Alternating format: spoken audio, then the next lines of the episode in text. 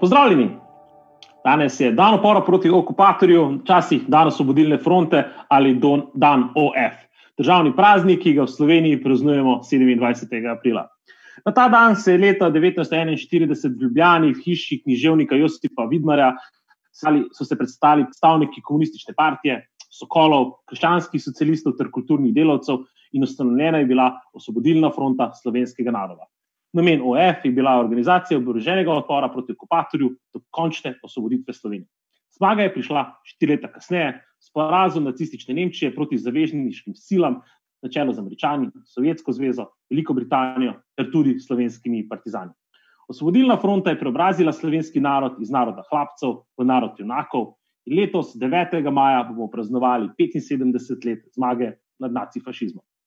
Danes, 79 let po ustanovitvi osvobodilne fronte, so vrednote NOB, kot so solidarnost, mir, antifašizem, svoboda, enakost in tovarištvo, še vedno aktualne.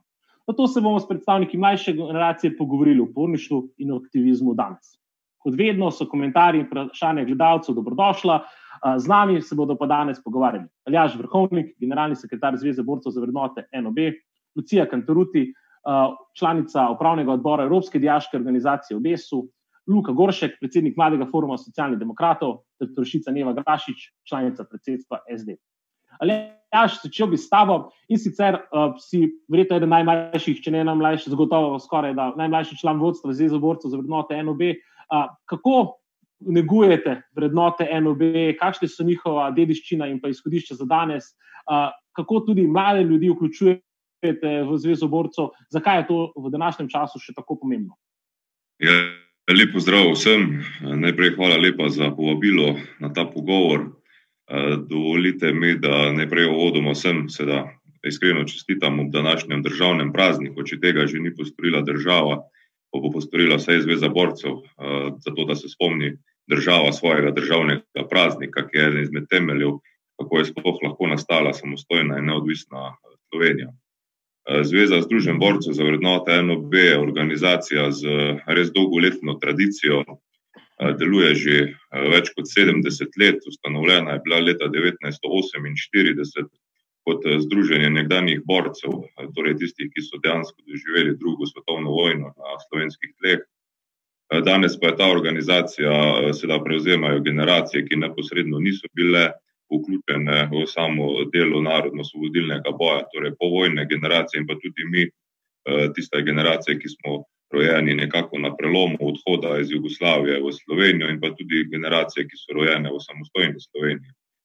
Torej, zaradi tega je tudi ta organizacija že pred leti, ko je bil še predsednik Janez Stanovnik, svoje ime dopolnila z imenom, da gre za Zvezo združen borcev za vrednote NOB, torej organizacijo tistih simpatizerjev, ki se zauzemajo za vrednote NOB, kar si jih uvodoma zelo lepo naštel in ki so se med tovariši, če rečem, kot ena izmed bistvenih vrednot, torej tovarištvo, se je izoblikovalo mednarodno osvobodilnim bojem, da so si borci stali z ramo ob rami in dejansko uspeli doseči ta zgodovinski prelomni trenutek osvoboditve slovenskega naroda. Dejstvo je, in to je neizpodbitno, kar bi se morali spominjati na današnji dan, da brez osvobodilne fronte ne bi bilo svobode in brez svobode pravzaprav slovenski narod ne bi obstal, kajti okupatorji, ki so prišli na naše ozemlje, so prišli z smrtno obsodbo za slovenski narod. In če se narod ne bi uprl in zmagal v tem boju, tudi slovencev, kot takih v drugi svetovni vojni, več ne bi bilo. To nam priznava ves napredni svet. Na vse zadnje so bili slovenski partizani ob 70. obletnici izkrcanja zaveznikov v Normandiji tudi povabljeni na to prireditev, katere so se udeležili vsi svetovni voditelji, na čelu s takratnim predsednikom Združenih držav Amerike, pa tudi ruskim predsednikom. To je veliko priznanje slovenskemu narodno-osvobodilnemu boju in odporniškemu gibanju, ki ima, bi rekel, svetovne razsežnosti. Žal je ta epidemija koronavirusa nekoliko spremenila naš praznik upora in pa tudi petinsedemdeseto obletnico osvoboditve, katero praznujemo letos devetega maja. Mi smo pripravljali zelo veliko slovesnost v središču Ljubljane, ki bi jo prav na ta dan, torej devetega maja, pripravili. Žal, seveda, zaradi te omejitve gibanja na prostem oziroma prepovedi zbiranja množic, to ni mogoče. Vendar smo že včeraj na predvečer državnega praznika pripravili proslavo preko Facebooka. Moram priznati, da je bila proslava zelo dobra, odziv zelo velik, kar nas je pozitivno presenetilo. Na podoben način bomo proslavili tudi dan zmage na predvečer, torej 8. maja, zvečer ob 8. Kajti menimo, da dan zmage ni samo praznik Slovenije, ampak pravzaprav celotne Evrope. Takrat se je v drugi svetovni vojni končala najhujša morija človeštva, ki je povzročila več kot 60 milijonov žrtev. In mislim, da je potrebno zmago nad takšnim terorjem, kot sta bila nacizem in fašizem, definitivno proslavljati in se zavedati, da svoboda ni samoumevna. In tudi današnje generacije, tiste mlajše, ki prevzemajo vodenje Zveze borcev, tako novi predsednik Marjan Križman, ki dejansko ni bil aktivni udeleženec NOB-ja, ampak izhaja iz partizanske družine, gledamo nekoliko bolj v pomirjujočem tonu na to obdobje, ampak hkrati zelo jasno dajemo sporočilo, da brez partizanskega odporniškega gibanja slovenske države ne bi bilo in zato pričakujemo, da država spoštuje svoje korenine, svoje vrednote in na vse zadnje je partizanstvo zakoreninjeno tudi v ustavni ureditvi današnje države Slovenije. Ker če pogledamo temeljne točke osvobodilne fronte, je bila ena izmed njih, ena bistvenih tudi pravica do samoodločbe naroda, na podlagi katere je lahko nastala samostojna država Slovenija. Skratka, da strnem, današnji praznik je za Slovenijo zelo pomemben in prav je, da ga proslavimo pokončno in spodobilo bi se, da bi se tako obnašala tudi oblast v slovenski državi. Hvala, Aljaž, za to zelo, zelo zanimiv pogled na to, kako se še danes negujejo vrednote znotraj Zveze borcev. Lucija, nadaljeval bi pa s tabo. Ti si naša najmlajša udeleženka današnjega pogovora, rojena dolgo, ne samo po koncu druge vojne, ampak tudi že nekaj let po osamosvojitvi Slovenije. Kako ti danes gledaš na ta čas za nazaj in kaj so tiste izkušnje ali pa če temu neke modrosti, ki jih morda še vedno lahko vidimo kot aktualne danes, sploh za mlajšo generacijo, kot je tvoja? Ja, lepo zdrav tudi z moje strani. Um, torej, kar se tiče, se mi zdi, da aktivizem med mladimi definitivno, sploh v zadnjih časih, se spet nekako pojavlja, uh, spet postaja vse bolj aktualen. Um, jaz, na primer, to opazujem uh, bolj kot ne tudi uh, strani uh, nekako iz evropske perspektive, kot uh, članica upravnega odbora Evropske diaške organizacije. Um, in se mi zdi, da ena izmed najbolj takih zanimivih stvari, meni osebno je tudi opazovati, kako se v različnih državah pojavljajo tudi različne oblike aktivizma. Um, to je seveda tudi zelo odvisno, naprimer, kako so, če zdaj govorim bolj iz, iz perspektive diaških organizacij, uh, kako so same organizacije um, torej tudi ustvarjene, kakšne so njihove povezave z državo. Naprimer, uh, v Sloveniji naprimer, je predstavnik diaške organizacije, ima tudi svoj sedež v svetu vlade za mladino, um, medtem ko v drugih državah morajo v bistvu se nekako tudi mladi uh, boriti že samo zato, da so nekako prepoznani, da je njihov glas prepoznan um, in se zato potem tudi poslužujejo seveda drugačnih oblik. Naprimer, uh, meni je zelo zanimivo spremljati um, italijanske um, diaške organizacije, uh, ki naprimer za skoraj vsako stvar naredijo iz nekakšen protest, uh, medtem ko v Sloveniji, naprimer, pa v, v kakšnih drugih državah to naprimer tudi svoje mnenje izražamo preko raznih pozivov, odprtih pismi, pisem in podobno.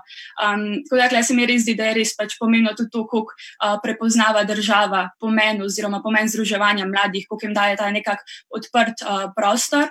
Um, mogoče, na kar se tiče tega nekakšnega aktivizma, oziroma kdaj smo mladi aktivni, uh, seveda smo nekako um, tudi nekako tako malo bolj selfish, um, aktivni takrat, ko gre pač za nas, torej ko um, nam hoče biti nekaj oduzeto. Uh, meni se zdi, uh, tako v Sloveniji, kot tudi na nekakšnem evropskem nivoju, uh, da ste se zdaj v bistvu v zadnjem letu, dveh letih pojavila nekako dva taka vrha. Um, en je bil seveda um, boj za podnebne spremembe oziroma podnebno pravičnost. Uh, ta se mi zdi, da je v bistvu res ta bottom up iz ene punce, um, torej Grete, ki je vse skupaj začela, da se je res razvilo uh, in po celi Evropi in po celem svetu. In takrat tudi po uh, poročanju naših kolegov iz cele Evrope, no, se je tudi v njihove um, organizacije, torej mladinskim organizacijam, pridružilo ogromno število ljudi na novo, uh, ker so bistvu hoteli prek, um, prek nekakšnega združevanja mladih um, imeti svoj glas. Uh, druga izmed takih stvari so bile tudi lansko letne um, evropske volitve, um, kjer sem tudi, sem tudi pomagala kot prostovoljka uh, pri kampanji Tokrat grem volit. Uh, se mi zdi, da je v bistvu tudi uh, tak zelo zanimiv način, uh, smo takrat vzeli, torej, kaj mladim Evropa ponuja. Torej, um, da smo mladi res videli, kakšne priložnosti imamo, ko smo aktivni, uh, ko gremo na volitve, ko odločamo o svoji pri, uh, prihodnosti, uh, da to niso vse samo neke stvari, ki se nam v bistvu uh, podane. Uh, torej, Na, v bistvu nekak, če se vrnemo tudi na to evropski nivo, mi, tak, mi zagovarjamo oziroma predstavljamo skoraj 10 milijonov mladih po celotni Evropi, torej v 31 naših državah oziroma naših članicah. Um, in v bistvu vedno, torej kot večina mladinskih organizacij, zagovarjamo ta nek moto, nič o nas brez nas. Um, in zakaj sem prej tudi izpostavila te torej dve torej evropske volitve in pa podnebne spremembe kot ta dva vrha, uh, se mi zdi to v bistvu zanimivo, ker mi nekako skrbimo za to, da smo mladi um, konstantno upeti v ta dialog z odločevalci, uh, še posebej tudi jaz osebno, kar se tiče izobraževanja. Um, in je tudi zanimivo videti, kako so ostale um, organizacije in mladi, naprimer, vključeni v neke take dialoge ki se vlečejo, torej kar se tiče izobraževanja, ki je itek boj, ki ga moramo vsako, z vsakim mesecem neke nove tematike odgovarjati, prilagajati, zdaj naprimer izobraževanje v času korone. Um, in se mi zdi, da je v bistvu tudi zelo zanimivo videti takrat, kadar pride do neke drastične spremembe, kako se v bistvu mladi takoj mobilizirajo, takoj nekaj naredijo v primerjavi z nekimi temi konstantnimi uh, spremembami, ki v bistvu non-stop uh, tečejo.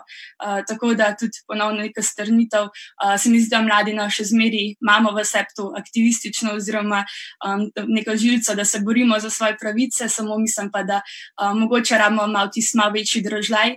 Uh, poleg tega pa se mi tudi zdi, da je veliko stvari, um, kar se tiče nekega aktivizma, se preselilo nekako um, na internet, na socialna mreža in smo mladi tudi veliko bolj, kot včasih uh, smo glasni in konstantno glasni lahko uh, preko mreži in preko drugih kanalov, uh, pa tudi samo fizično. Ja, ta kliktivizem, kako bi temu rekli, v bistvu, ki se s socialnimi omrežji še, še kako uh, razpasu, je zagotovo neka drugačna oblika kritike družbe, družbenega sistema, krivic, ki se dogajajo okoli nas. Luka, ti pa, vi ste pa v mladem forumu SD danes malo bolj uh, nazaj koreninam, bi človek rekel, akcijo izvedli in sicer, če se ne motim, ste uh, trge in mesta po Sloveniji popisali s kredo z napisom Upor živi ter simbolom osvobodilne fronte. Uh, zakaj ste se odločili za to akcijo? Ja, lepo zdrav vsem. Uh, v bistvu za to akcijo, oziroma tudi uh, temu lahko rečemo oblika protesta, smo se odločili za to, da v bistvu izkažemo neko spoštovanje do vseh naših domoljubov oziroma partizanov, uh, ki so se borili za to, da lahko mi danes govorimo o slovenskem jeziku in pa da imamo svojo kulturo. Uh, zdaj s tem protestom, oziroma s to akcijo, smo tudi uh, poskušali vzpostaviti neke sporednice z takratnim časom in pa sedanjim, ko po Evropi se spet širi nekakšna gonja proti manjšinam, raste podpora skrajno desnim strankam, ki pa se hranijo šovinizmom, uh, homofobijo in pa rasizmom. Uh, v bistvu ta negativen duh, uh, ki se danes razprostira že po celem svetu, je, če ne identičen, pa dokaj podoben tistemu iz leta 1932, uh, ko se vsem znani, zafrustrirani Adolf v Nemčiji takrat uh, pogajal za novo vlado. Uh, jaz sklepam, da takrat ljudje niso še pričakovali, oziroma niso verjeli. Kaj bo sledilo, dokler niso začeli dejansko markirati vse manj vredne. Predvsej pa je zaskrbljujoč tudi uh, en včerajšnji članek, ko sem ga zasledil v reviji The Economist. Ne, in sicer navaja, da obstajajo določeni indici, ki kažejo na to, da nekatere države se enostavno po tej korona krizi ne bojo odrekle popolnemu nadzoru oziroma popolni oblasti, ki so si jo omogočili v imenu borbe proti tem virusu. Kar je še posebej zaskrbljujoče, je to, da uh, ena izmed teh držav je naša sosednja Mačarska, kjer vsi vemo, da se indeksi demokracije že zadnjih deset let drastično nižajo. Druga država je pa Srbija, ki pa tudi ni daleč od nas, se pravi, v bistvu je pred nami, uh, pred našo mejo, že kar en tak uh, avtokratski sistem, ki se počasi in pokstrajno razvija. Uh, ravno na podlagi tega, kar se zdaj v bistvu opisuje, smo se potem odločili v mladem forumu, da damo in naši oblasti in vsem skupaj jasno vedeti, da eh, upor še živi tudi po vseh teh letih in da ne bomo mirno čakali, da nam kratijo demokracijo, ki je bila izborjena na plečih naših prapradetkov, detkov in tudi ostalih. Upor še živi. Ampak kot smo ugotavljali, danes je neprijatelj, sovražnik, kakorkoli temu rečemo, ali pa, pa, ali pa izzivi so drugačni. Neva, ti si na lanskih evropskih eh, volitvah zastopala mlado generacijo znotraj socialnih demokratov, hkrati si se pa tudi sama močno zauzela prav o tem, kar je prej Lucija govorila, glede boja mladih za podnebno pravičnost. Spravi, to je tudi eden velikih družbenih, globalnih izzivov, kot je bil kakšen drugačen pred 79 leti kako vidiš boj mladih za boljši, pravičnejši svet na tem področju, pa tudi na drugih področjih danes? Pozdrav tudi v mojem imenu. Ne, hvala za vprašanje, pa hvala kolegom za prejšnje debate. Jaz mislim, da danes ni več na svetu nekega družbeno angažiranega posameznika, naj bo to mlada ali pa starejša oseba, ki ne pozna fenomene uh, Grete Thunberg. Uh, gre za mlado 17-letno podnebno aktivistko, ki se je postavila na stopnice um, švedskega parlamenta in začela opozarjati odrasle, um, da bodo morali na tem planetu, ki ga vsi skupaj tako zauzeto uničujemo, živeti tudi njihovi nasledniki. Iz tega protesta je, tako kot je Lucija rekla, se je razvilo celo gibanje mladi za podnebno pravičnost, ki so organizirali manifestacije, proteste po celotnem svetu in ki vsaj za enkrat um, še ni izgubilo nekega naboja in energije, in upamo, da ga tudi ne bo. Ampak v bistvu ime ali pa pojav, če se je v bistvu sploh um, Greta. Lahko jo gledamo kot neko mlado punco, polno močnih čustev, spontanosti, tudi neposrednosti, mogoče v komunikaciji, neke, ne vem, delno tudi ranljivosti, predvsem pa uh, mogoče slabe vesti.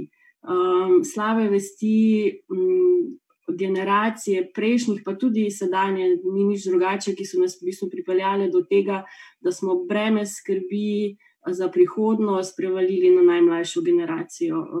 Tako breme ekonomske, socialne, okoljske, tudi politične nestabilnosti v bistvu prelagamo na ramena 15-letnic, 15-letnikov in za mogoče malo dramatičnega vložka, en del pa izsek um, nagovora Grete v Združenih narodih, kjer v bistvu govori, um, da ona ne bi smela biti tukaj, da bi morala biti v šoli, ampak da se v bistvu um, vsi starejši na rešitve obračate na nas, mlade, kako si drznete, da v bistvu. Zanikate, da je znanost že več kot 10 let, tem, 30 let na tem področju kristalno jasna, kako si drznete gledati stran, priti sem in trditi, da v bistvu počnete dovolj za prihodnost naše generacije, našega planeta, ko pa v bistvu v nekih učinkovitih ukrepih ni ne duha, ne sluha. Um, jaz mislim, da z njo um, in z gibanjem, ki je z nje sledilo, mladi za podnebno pravičnost, so se v bistvu mladi začeli zavedati, da jim starejša populacija, um, pa ne vem, kam bi se štela sebe ali tistim, ki v bistvu um, že za našim potrošništvom, z našo neustavljivo gospodarsko rastjo, tudi z nekim užitkarstvom, krademo prihodnost novi generaciji. Um, njihov poziv je poziv k radikalnim spremembam, je poziv, da se postavijo neki novi temelji za drugačen, uh, boljši razvoj uh, mlade generacije, in v bistvu s tem kažejo, da je mladi mar za prihodnost, uh, kam gre ta svet. Seveda obstajajo tudi kritike um, in to gibanje lahko izraža tako pozitivne kot negativne reakcije. Mogoče njihove zahteve vse niso racionalne, ampak uh, v mojih očeh so mogoče ravno zato pravilne. Um, Greta je, mislim, da je enkrat članom ameriškega kongresa v Brazdu besedno povedala, naj se jim nehajo prilizovati, naj prenehajo z nekimi hvalami, da v bistvu hval nočemo um, da ne nas vabiti zgolj zato, da, da bi nam povedali, kakšna spodbuda smo, uh, ker v bistvu to ne vodi nikamor. Da ve, da se trudijo, ampak da v bistvu to um, žal ni dovolj. Um, te proteste in stavke je v bistvu podprlo na tisoče znanstvenikov, tudi okoljskih aktivistov, marsikdo od novinarjev in piscev je povedal, da v bistvu je mogoče to gibanje in ta aktivizem mladih um, zadnje upanje, da se bomo izognili vsi skupaj um, katastrofi. Imamo pa tudi ne malo tehnik teorij zarote in spinov, zlasti strani uh, desne politične opcije, ki hočejo greto in ta um, aktivizem mladih diskreditirati. Um, ne na zadnje je tudi naš premijer um, Janša v enem od svojih intervjujev za Novo 24 celo priznal, da v bistvu um, je danes svet drugačen in da generacije rastejo s tem zavedanjem, da je okolje vrednota, ampak um, da nekateri na levi sceni, ki so prežeti z kulturnim uh, marksizmom, da so v tem dodali hitrše katastrofične napovedi, ki naj bi jih povzročile te podnebne spremembe. Um, in v bistvu pridiga o tem, kako so podnebne spremembe, um, da jih izključno povzroča človek, so povsem nedokazane.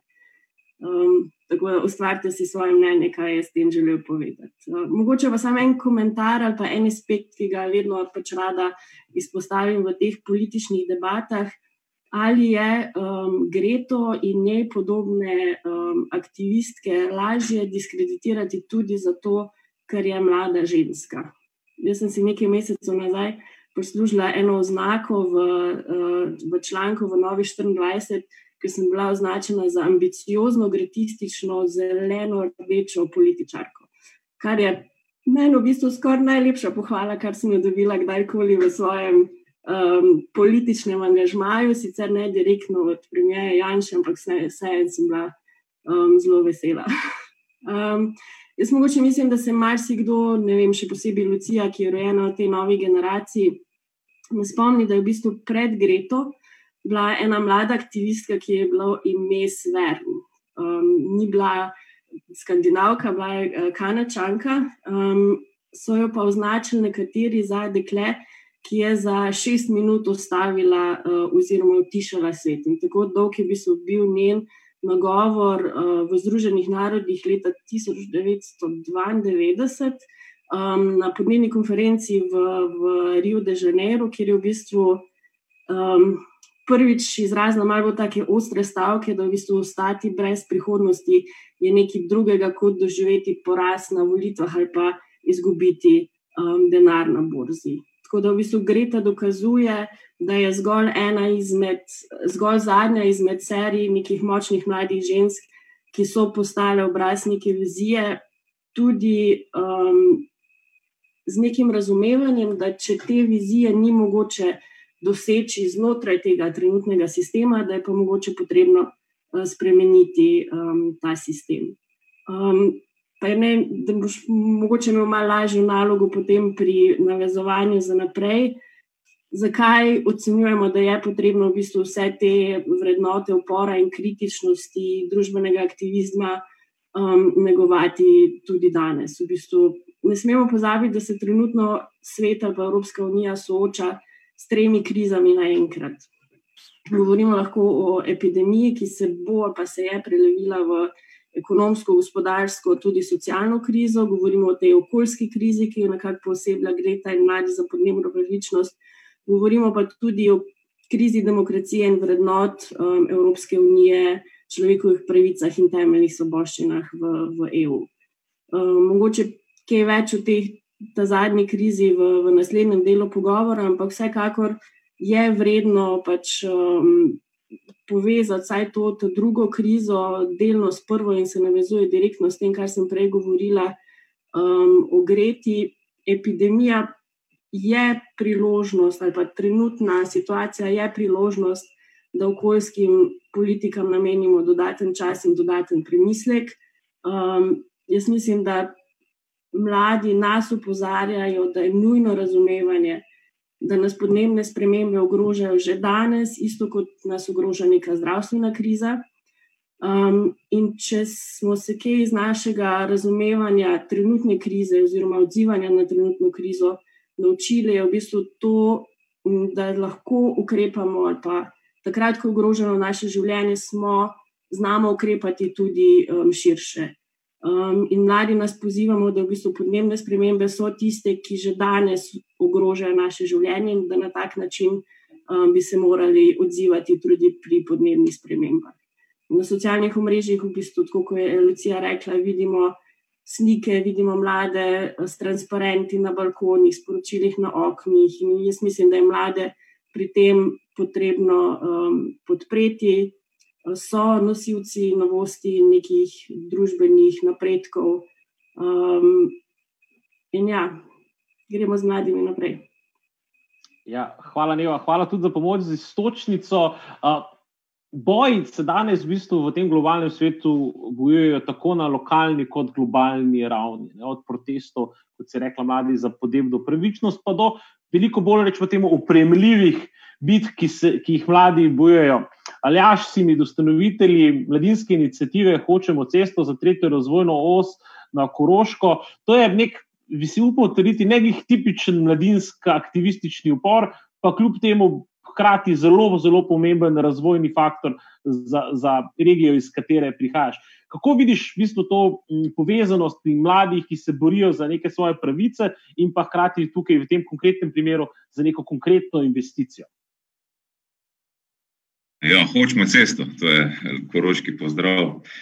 Um, jaz mislim, da to je potem tisti naslednji korak, o katerem uh, so moji predhodniki govorili. Namreč zdaj v zadnjem obdobju se na socialnih omrežjih večkrat pojavlja neka inicijativa, da je potrebno kaj spremeniti, se pripravljajo razne objave, uh, potem pa se mora tudi kaj v naravi zgoditi. In ta recimo, inicijativa, ki smo jo ustanovili leta 2014 in zdaj preživela že tretjo vlado, je dejansko nek spontan odziv mladih aktivistov, ki želijo biti aktivni državljani in tudi kaj postoriti za to, da bo naš svet lahko boljši ali pa bolj razvit ali pa da bo večja blaginja za, za ljudi. Velik handicap mojega domačega kraja, ki ga imam zelo rad, torej ravne na Koroškem ali pa gledano Koroške kot regije, z katere prihajam, je ta prometna odrezanost. In predstavlja ta tretja razvojna os, ki, katere prve ideje so bile narejene že leta 1974, predstavlja neko bolj, bolj kot samo cesto, predstavlja to neko upanje. Eh, za razvoj, da se prepreči ta beg možganov iz naše regije, ker v zadnjem obdobju, zlasti po osamosvojitvi, je ta številka izseljevanja mladih eh, res eh, zelo strmo naraščala. In gledano dolgoročno je to regija, ki bi bila s takim načinom bega možganov obsojena na propad, če tam ne bo več mlade generacije. To pomeni, da ni več prihodnosti. In tako majhna država, kot smo, bi morali dejansko poskrbeti, da lahko ljudje eh, živimo eh, v svojem lokalnem okolju in da tam tudi ustajamo, da se ni potrebno vsem preseljevati v center države, ker vidimo, da center države tudi ne bo eh, požrl vsega tega pritiska, ki se zdaj izvaja, ker Slovenija se je zlasti po osamosvojitvi zelo centralizirala. Tako da ta naša inicijativa je en pokazatelj, da aktivno državljanstvo se obrestuje. Eh, če rečem, da smo eh, iz te, veliko, eh, Facebook akcije postali en resen sogovornik z državo, ne prej na, ne prej na nivoju regije, torej z občinami, lokalnimi skupnostmi, potem pa z državo, da nam da na, na tak način neko priznanje, da smo bili leta 2014 na stališču vlade, da pač gradnja te ceste ni potrebna iz nekih njihovih razlogov, da smo danes pravzaprav tik pred prvo lopato, pa se vedno znova nekje zapleta z temi birokratskimi uverami, kar pač je nek, neke vrste nacionalni šport v tej državi, da se sama sebi strelja v kolena, je pač to nerazumljivo. In mislim, da morajo priti mlajše generacije, ki niso obremenjene s tem nergaštvom in vse splošnim nagajanjem eden drugemu, ampak da strnemo vrste za to, da dosežemo nek napredek. Uh, prometne povezave, definitivno so temelj razvoja vsake napredne države. V tem ne vidim več smisla, da bi se razpravljalo. Če se je že leta 2004 začel postopek za umeščanje v prostor te ceste, pa je bil šele leta 2013 državni prostorski načrt sprejet, mislim, da je bilo več kot dovolj časa za razpravo o tem, kakšni bodo takšni ali drugačni vplivi na okolje in na enkaj vse. Uh, In uh, mislim, da je zdaj čas za ta korak, da se zgodi, torej, da pride do težko pričakovane gradnje. Rekel bi pa tako, uh, Jaz spodbujam veliko moje sovrstnike in pa vse mlajše, da smo aktivni državljani v tem smislu, da prevzamemo tudi odgovornost. Jaz sem že eno uro stal na magistralni cesti, ko smo zaprli promet in je nastala več kot 10 km kolona, zato da smo upozorili državo, da je ta gradnja prometnice nujno potrebna. Sem pa zelo žalosten, da se sploh mora pojaviti neka inicijativa ljudi, da državo opozarja na neke korake, ki bi morali biti popolnoma samoumevni in to je decentraliziran razvoj države. Uh, ampak, če tega ne bi storili, pa verjetno danes niti tukaj ne bi bili, kjer smo. Torej, zdaj te gre samo še za zadnjo birokratsko overo, to je uh, to gradbeno dovoljenje, na katerega se je pač nekdo pritožil iz ne vem kakšnega razloga, ampak na prvi pogled gre za eno veliko neprivoščljivost. Uh, če, po, če bi pa pogledali v globine, pa verjetno tudi za kakšna politična ozadja, v katerih pa ne bi želel zaenkrat še špekulirati, ampak mislim, da bo čas prenesel svoje zakaj prihaja ravno na tretji razvojni osi do teh nagajanj. Jaz mislim, da je to en, en, en poligon za politične stranke, uh, ki na različen način manipulirajo z ljudstvom. Po eni strani trdijo, da podpirajo razvoj države, gradno infrastrukture, po drugi strani pa na tak način blokirajo uh, te zadeve in vedno znova se sklicujejo neke nove komisije, naročajo neke nove študije, ki pa ogromno denarja stanejo z državni proračun. Mimo grede, že več kot 30 milijonov evrov je bilo porabljeno za tretjo razvojno os, pa nimamo še niti enega metra uh, asfalta zgrajenega, uh, torej za samo to cesto. Ampak jaz verjamem, da bo ravno nam, mlajšim generacijam, uh, z novimi metodami dela, z to bolj uh, povezanim delovanjem, uh, uspelo preseči takšne pristope dela, ki so se v Sloveniji zoblikovali, zlasti po osamosvojitvi, ko je slovenska država. Eh, dejansko podarila, razprodala eh, slovensko veliko srebrnino, državno premoženje. Eh, postali smo na nek način služni svoje lastne domovine, ker je vprašanje, koliko smo še sploh sovereni na svojem teritoriju, koliko imamo oblasti nad, nad svojo državo. In recimo gledane, gledano na tudi promet, če država z vidika prometa ne obladuje situacije na svojem teritoriju, je tudi to vprašanje soverenosti. Isto bi se lahko spraševali okoli samega našega pristanišča v Kopru, pa od drugega tira in vseh teh zadev. To so vprašanja soverenosti. In jaz mislim, da, da tako igranje za svojo državo, z raznimi referendumi na, na te teme, ne kaže nekega zrelostnega napredka pri tej starejši generaciji. In mislim, da, da je čas, da se omaknejo mlajšim generacijam, ki smo pripravljeni bolj sodelovati za to, da bi dosegli blaginjo države, ker mislim, da, da prostora v tej državi je dovolj za vse in da dejansko mladi, ki ne želimo teh delitev, ki nam jih usiljuje ta starejša generacija, ampak si želimo v bistvu uh, mirnega razvoja in pa živeti v neki blaginji, ki si jo Slovenija zasluži. Ja, Aljaš, bi se zelo strinjal s tabo, predvsem pa je za občudovati, v bistvu, da ste se mladi na Koroškem tudi pri zelo konkretni zadevi znali penotiti in od oblasti zahtevati nekaj, kar bi vam moralo že pripadati. In letnice, ki si jih omenil, tudi zelo veliko povejo. Lucija, ti pa kot uh, članica upravnega odbora Evropske diaške organizacije tudi zelo aktivno spremljaš, kaj se dogaja z dijaki.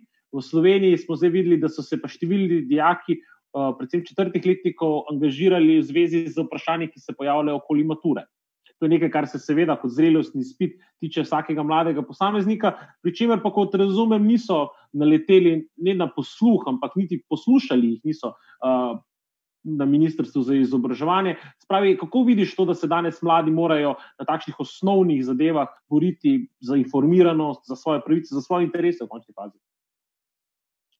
Uh, tako je. Um, v bistvu, kar se tiče te mature, se mi zdi, da je bilo tudi spet nekakšno to spoznanje, torej, da je naša, izobraževanje seveda naša pravica, naša dožnost in kako v bistvu to zgleda, ko nam je tudi to nekako vzeto.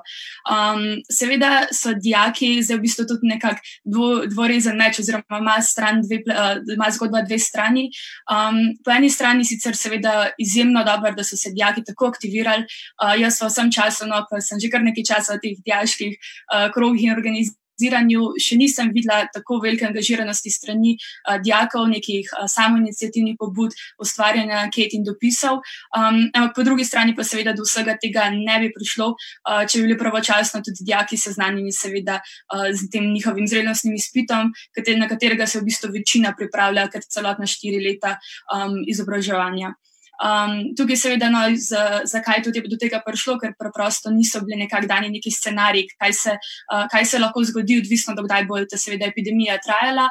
Um, in so bili v bistvu dijaki z zadnjim uh, terminom, kdaj se bo torej, da se bo matura začela izvajati 30. maja, so bili seznanjeni pred tednom ali dvema.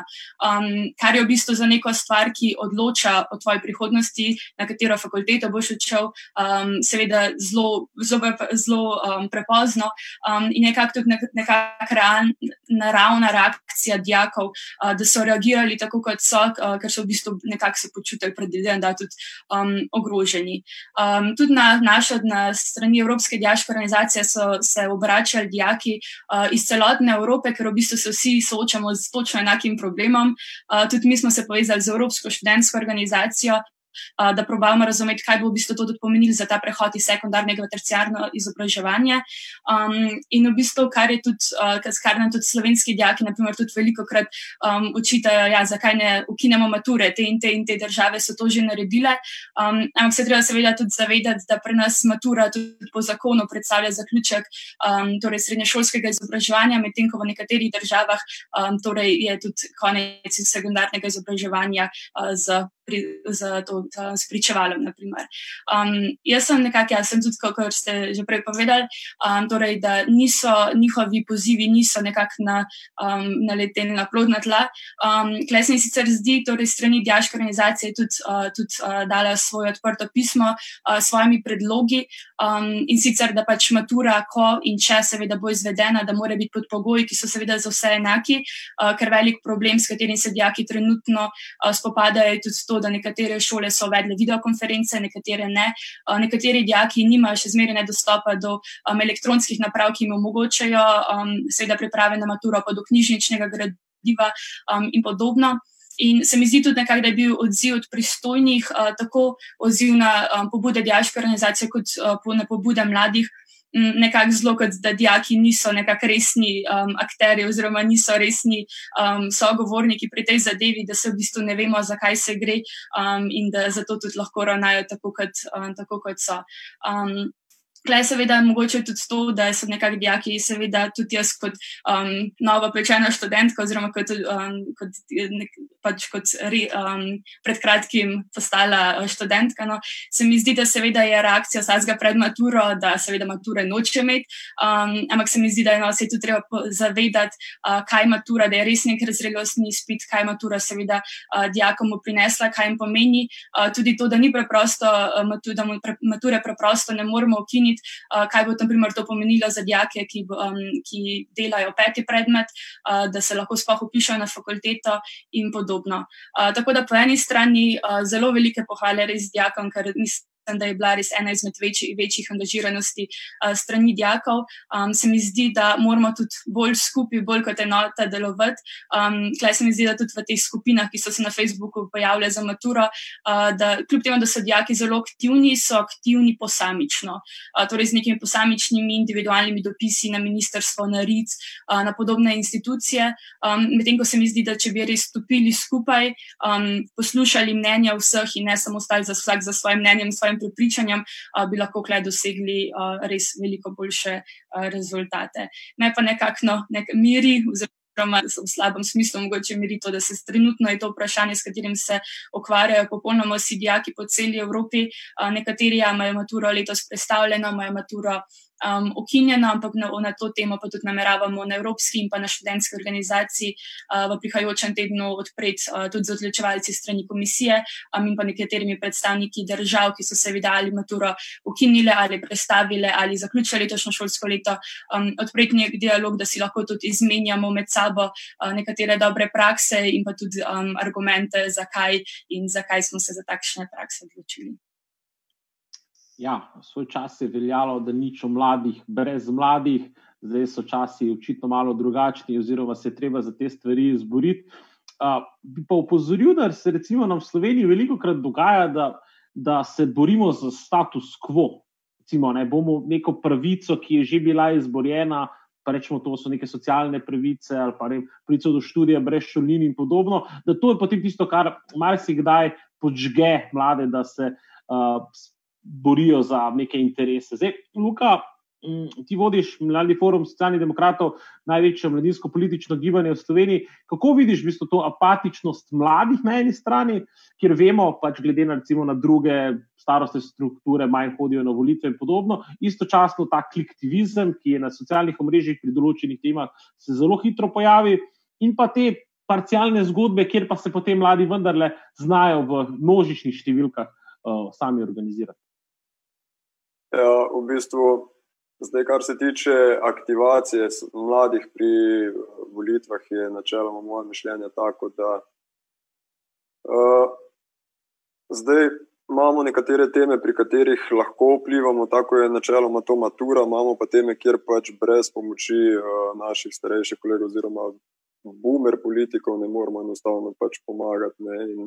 Preden bomo prišli do tega zavedanja, da bomo prispevali k neki spremembi samo z volitvami, še po moje, eh, kar nekaj časa do tja. Eh, zdaj, kar se tiče tudi eh, našega podmladka, ni zelo težko, v bistvu, dobivamo tudi nove člane, predvsem iz tega vidika, tega, ker v bistvu, kader mladi izrazimo svoje mnenje na glas in mogoče, da stopimo na žulj trenutno vladajoči stranki se lahko pojavimo tudi na raznih medijih, ki jih financirajo naši vzhodni kolegi, in potem tudi uh, to za moral oziroma za neko spodbudo za vnaprej, da mladi izrazi svoje mnenje, to ravno ni najboljše. Uh, lep primer je res ta, ko so se dijaki zbunili v bistvu za maturo. Uh, Bo pa to zelo slab znak, če zdaj Ministrstvo za šolstvo in Pariz ne bo vsaj delno upoštevalo želja dijakov. Ker potem v bistvu smo spet pri tem vprašanju, zakaj mladi ne grejo volitve. In čez dve leti, ko se bo politika sprašvala, zakaj uh, mladi niso šli voliti, bomo enostavno lahko odgovorili, pa dal primer. Evo, mladi so se aktivirali pri vprašanju mature, ampak jih niste upoštevali. Se pravi, ta vprašanja, zakaj uh, se ne aktivirajo, so v bistvu popolnoma že nesmiselno. Odgovor je jasen. Mladi nismo, oziroma niso uslišani. Ja, niso slišani, oziroma nismo slišali, ampak se pa pojavljajo v bistvu neke te bolj nedemokratične, avtoritarne težnje, kjer pa v bistvu marsikdo potem več ni slišan. Neva, prej si začela o tem govoriti, tu se spet pojavlja nek boj, ne za status quo, ampak za neke že izborene pravice med številnimi evropskimi državami, kjer, kjer ponovno je, se kaže potreba potem, da, se, da pride do nekakšne oblike upora. Ja, jaz mislim, da sta Luka in Lucija zelo dobro govorila. Um, mladi so aktivni, mogoče ne na ta um, tipičen, tradicionalen, uh, konvencionalen način skozi, skozi volitve. Um, vsekakor pa ne moramo reči, da so politično. Um, vem, da, da, da, da bi se jim očitalo neko politično apatijo. In v bistvu mi se bomo kot družba vsem tem pojavom, tudi zdaj v, v Evropski uniji, ko, ko vidimo neko kratenje človekovih pravic, um, demokratičnih vrednot, nekih vrednot, na katerih je Evropska unija nastala, v bistvu vsem tem scenarijem se bomo zmožni upreti pod pogojem, da ohranimo ali pa še povečujemo neko to kolektivno sposobnost kritičnega odzivanja. Ne. Tukaj je vse tisto, kar je vem, ali OF začel, ali pa skozi eh, današnje zelo aktualne teme, ne, to je neka kolektivna sposobnost um, odzivanja. Um, jaz mislim, da tudi danes v, v teh kriznih obdobjih. Kar mora biti jasno, je, da v bistvu kriza nikoli ne sme biti um, izgovor za, za zmanjševanje demokracije. In v bistvu kljub temu, ali pa prav zaradi tega, moramo biti v tem kriznem obdobju še toliko bolj um, angažirani, še toliko bolj alert, um, še toliko bolj družbeno kritični. Ne. Jaz mislim, da zdaj um, stari ali pa mladi, no, slovenci, vsi v bistvu zelo zaskrbljenjem spremljamo poteze trenutne vlade, o katerih je Luka že malo prej govoril, ko gre za vem, spremembe strategije zunanje politike, kjer se Slovenija iz neke jedrne, progresivne države Evropske unije spremenja v zaveznico V4 držav. Ko na svet Evrope, ki je nekako organizacija, ki brani demokratične vrednote um, Evrope, v odziv na poročilo o omejevanju medijske svobode, um, romajo razne depeše ali sporočila, odzivi MZZ-ja, kako koli jim rečemo, v katerem so slovenski mediji označeni za neka komunistična trubila, ko nas um, organizacija OVSE opozarja na nepluralnost medijev, uh, ko, ko prijateljujemo in imamo razne politične. Prepletenosti z Orbanom in z Mačarsko, kjer, kot je že Luka rekel, vemo, da so kršene vladavine prava in temeljne vrednote Evropske unije, eh, ko se soočamo z nesorazmernimi ukrepi omejevanja svoboščin, tudi gibanja posameznikov na račun krize, ko govorimo o militarizaciji Slovenije, razkazovanju neke avtoritativne drže. In vseh drugih nepravilnostih, katerim smo Jaz mislim, da Slovenci, kar smo se znali ali pa se znamo kritično odzivati.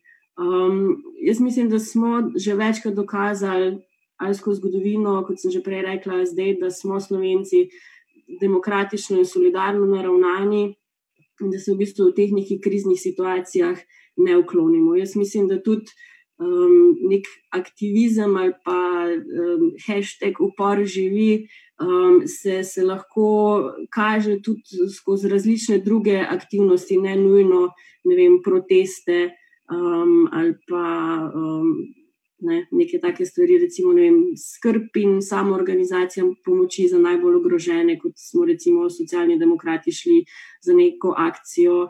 Um, podpore najranjivejšim, tudi osebna podpora humanitarnim organizacijam. Um, če gremo na evropski nivo, neko aktiviranje osebne politične mednarodne pomoči, povezovanje z evropskimi strankami, tudi razni vem, osebni angažmaji, vem, gospoda Čeferina. Um, so tak primer, potem tudi vem, razni upori um, proti komunikaciji vlade Republike Slovenije, uporabe socialnih omrežij, ki jih uporabljajo tako mladi kot starejši, um, neka opozicija civilne družbe proti um, te militantnosti ali pa proti aktivaciji policijskih pooblastil za vojsko, ker smo znova, naprimer, socialni demokrati bili proti aktivaciji 37a člena in tako naprej. In jaz mislim, da tukaj v vsej tej naši debati pa ne bo um, aktivistična, politična, kakorkoli, mislim, da bi bila to vršica um, Sonja Lokar, ker ponosna na tole našo debato um, od tistih res eh, zgodovinskih temeljev, pa do, do trenutnega aktivizma. Jaz mislim, da in ta kriza, uh, v kateri smo zdaj, pač ta epidemija in odzivi na njo, so v bistvu dokončno razgajali neko to nesposobnost neoliberalnega kapitalizma, da v bistvu nam.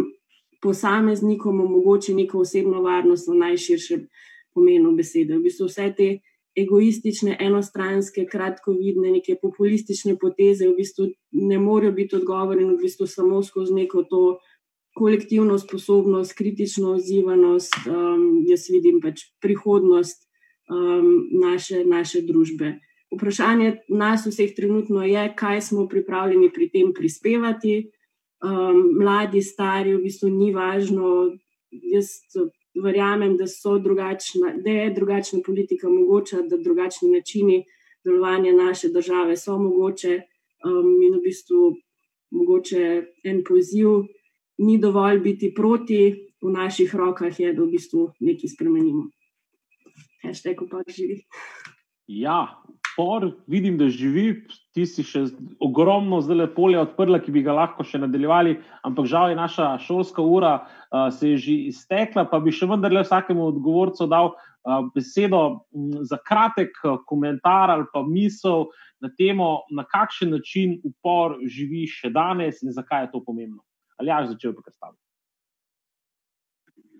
Ja, jaz mislim, da da smo Slovenci v končni fazi res en uporniški narod. To smo pokazali v vsakem zgodovinsko prelomnem obdobju. Če gledamo, ko smo zapuščali Avstro-Ogrsko, ko so se risale takratne meje, ki je bil boj za severno mejo, zlasti pri nas na Koroškem, se je izoblikovala ta meja. Takrat so bili borci za severno mejo prostovoljci. V NOB-ju so bili tudi prostovoljci, tisti, ki so odšli v Partizane. Tudi leta 1991 so bile podobne razmere. In vedno smo se upirali za to, da smo nekaj dosegli. In tako bi v tem duhu tudi danes lahko se uprli preko nekim ustaljenim metodam, da naredimo neko spremembo v smislu napredka.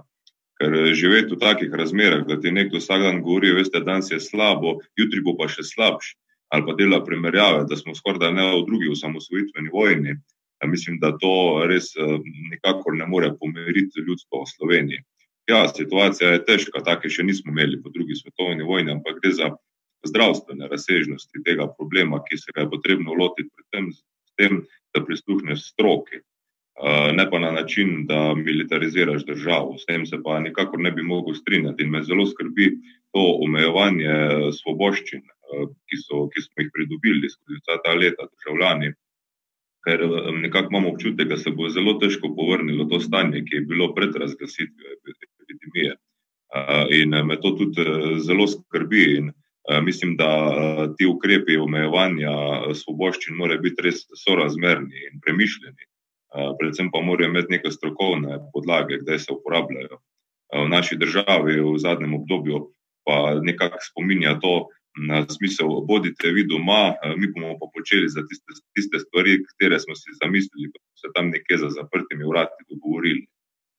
In to se kaže z, z vsakodnevnimi objavami na socialnih omrežjih, ker se kaže eno veliko nezadovoljstvo državljanov. Jaz sem prepričan, če bi šli zdaj na volitve, da bi ta politična sestava, ki zdaj vodi to državo, gladko izgubila volitve in se tega zaveda in zdaj dejansko išče načine, kako v bistvu priti iz te situacije, ki so jo sami zakuhali, kajti imeli so eno lepo priložnost, da se izkažejo kot neka resna oblast, kredibilna oblast, ki zna ljudi pomiriti, ampak so šli ravno v nasprotno smer. Torej, v tem duhu, danes je slabo, jutri bo pa še slabše, ne, vi pa ostanite doma, mi bomo pa delali po svoje. In ljudje imajo tega dovolj, mene skrbi prihodnost v smislu ekonomske krize, to se bo poznalo pri vsakem državljanu. A bomo še imeli jutri službo, nekateri so jo žal že izgubili. To so resna vprašanja in se, taka vprašanja se ne rešujejo z nekimi političnimi igricami in s prerekanjem z mediji, ampak dejansko z nekimi ukrepi. Mi bi zdaj potrebovali v tej državi neko vlado narodne pomiritve, nekoga, ki bi ljudem dal upanje, da zmoremo se izvleči iz te krize, ker nismo sami, se je cel svet zapadel dejansko v to krizo, ampak z nekimi delitvami nam, nam to ne bo uspelo, z neko sovražno politiko pa s prerekanjem. In to je predvsem, bi rekel, težka naloga politike, da, da najde te odgovore, da bo zmogla ljudem se predstaviti kot tista, ki lahko povrne dejansko upanje, da narod poveže in da ga tudi pomiri. Jaz mislim, da ljudje to pričakujejo in zato se ta upor, o katerem sprašuješ, kaže na vsakem koraku. Nenehno neke težnje k zbiranju, zdaj gibanje na javnih površinah je seveda uradno prepovedano, ampak vemo, da ljudje se na neki način tega ne držijo in s tem kažejo neko jasno sporočilo, da imajo vsega dovolj, kar se tudi dogaja, pa tudi razne, razna sporočila, najbolj je to pač zdaj vidno na socialnih omrežjih s tem nestrinjanjem. Torej ljudi skrbi. Zdaj, če je kaj dobrega v tej nesreči, ki se nam je zgodila, je to mogoče, da so se državljani nekoliko bolj prebudili in postali bolj aktivni. In da bodo mogoče to državo, Slovenijo, nekateri vzeli malo bolj resno in se zavedali, da nam slovenska država vendarle ni bila podarjena, da so bila številna življenja za to potrebna, da smo dobili svojo domovino v obliki države in da je potrebno to nenehno negovati. Zato si želim, da bi bili res, bi rekel, aktivni državljani, pa to nikakor ne pomeni, da kogarkoli nagovarjam kakšnim neustavnim metodam, da ne bo kdo tega napačno razumel, ampak sem zagovornik vsega tistega zakonitega, kajti tudi oblast bi se prva sama mora, morala držati pravil, ki jih je ona postavila, ne pa da je ona prva tista, ki krši pravila, ki jih je postavila. Živela Osvobodilna fronta. Živela. Uh, dobili smo en komentar enega izmed našega gledalca, Luka. Bom tebe prosil, da še odgovoriš na tole. In sicer Tilen nam piše sledeče: Aktivizem na spletu pozdravljam, vendar uporabljamo platforme multinacionalk, kot je Facebook. Kaj menite o tem? Uporabljam ultimativni privatni spletni prostor za javni upor. Uh, a je to potem sploh mogoče? Splet zgleda kot nek javni prostor, a tu ni, živimo v podatkovnih mehurčkih. Luka, kako bi to komentiral?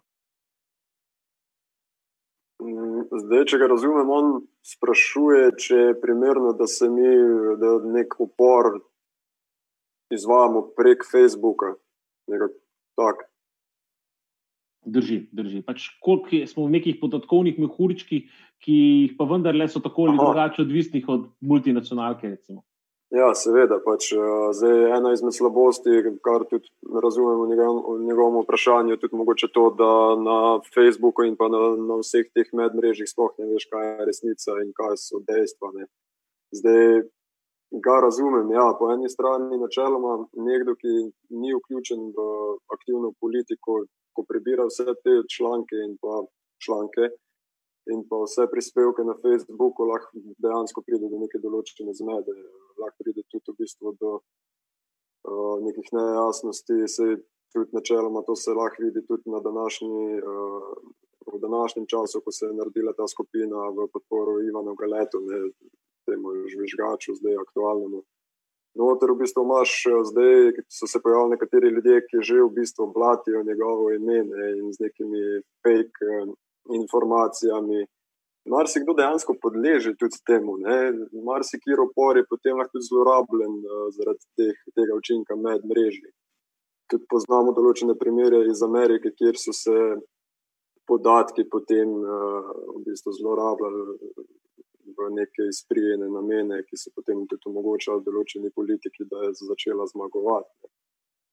Uh, Ampak trenutno v tem času pač nimamo druge izbire, kot da neko agendo furamo, furamo če se lahko tako izrazim, eh, po Facebooku in po medmrežju. Nažalost, pač čakamo, da bo te karantene konec, pa se bomo mogoče potem posluževali nekaterih drugih način, če je treba tudi ulica.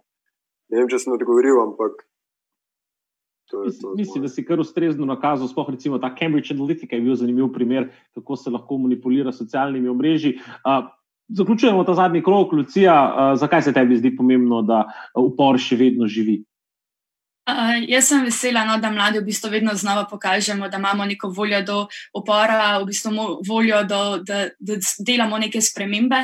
Um, in se mi seveda zdi pomembno, ker v bistvu do upora seveda pride ko je, pride do nekega vprašanja, oziroma do neke stvari, brez katere preprosto ne moremo, oziroma jo rabimo za naše nadaljne življenje, ker seveda, zakaj bi šli potem do take, take dolžine, če bi to lahko naredili na lep način, oziroma na drugačne uh, načine. In se mi zato seveda zdi še toliko bolj pomembno, da prepoznamo, sploh kar se tiče mladih, da prepoznamo stvari, za katere se borimo, se borijo.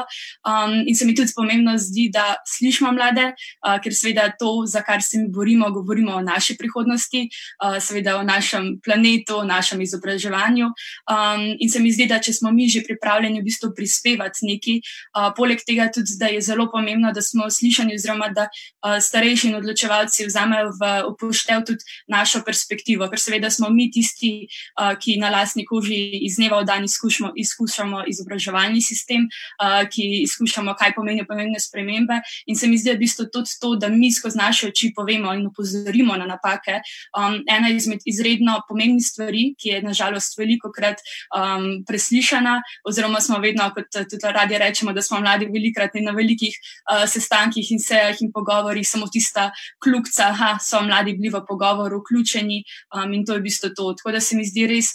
Izredno pomembno, da smo mladi slišani iz naše perspektive, um, in da če pride, ko pride do opora strani mladih, da to res pomeni, da um, imamo dosti, če lahko tako rečem, um, in da res uh, hočemo neko spremembo za našo prihodnost.